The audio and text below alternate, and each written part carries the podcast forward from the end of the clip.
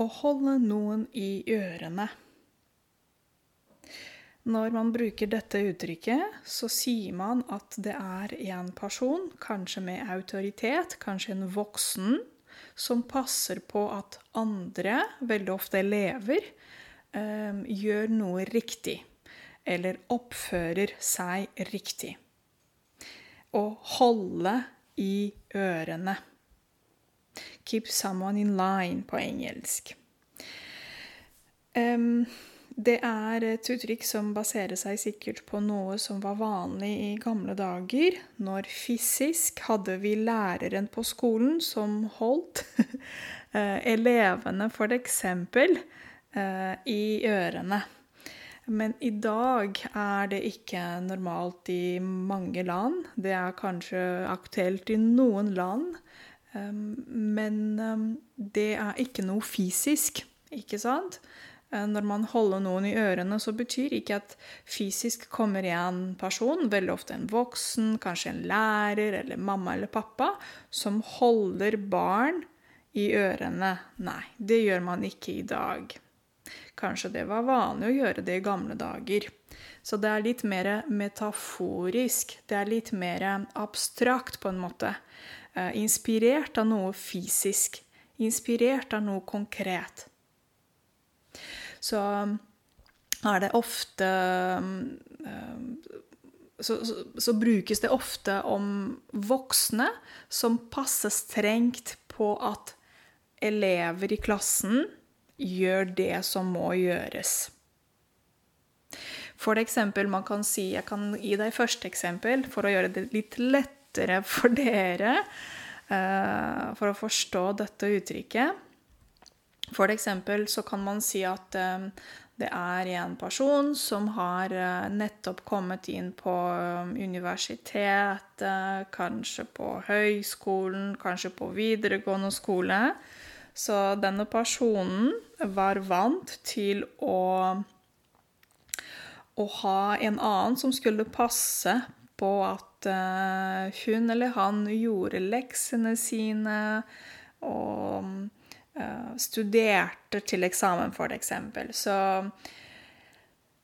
La oss si at det er en som heter Anita, og hvis Anita har aldri uh, studert alene, har aldri lært å lese alene, da blir det veldig vanskelig på eksamen, ikke sant? Så kan vi si at Anita sier Og det var um, mye lettere før på videregående skole, fordi vi hadde lærerne som holdt oss i ørene. Det hun sier, er at det var veldig bra før på skolen, på videregående skole, fordi det var sånn at læreren, lærerne passet på at vi eh, gjorde leksene våre, og vi eh, leste f.eks. det vi fikk beskjed om å lese. Det var veldig bra. Jeg trengte ikke å tenke, tenke på det. Vi hadde strenge lærere som passet på det. Da slapp jeg å tenke på det.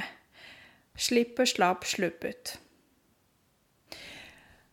Og nå er det veldig vanskelig fordi det er ingen som holder um, Det er ingen som holder henne i, i ørene. Og å lese og studere alene er veldig vanskelig, ikke sant? F.eks.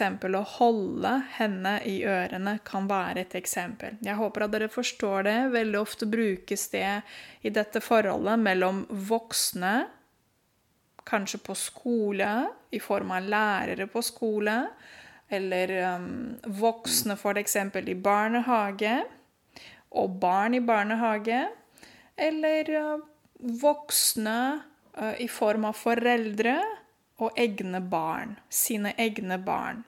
Så dette forholdet mellom voksne og barn um, uh, kan um, det, er det, det, det, det, er det dette uttrykket betyr. Å holde andre i ørene. Det er voksne.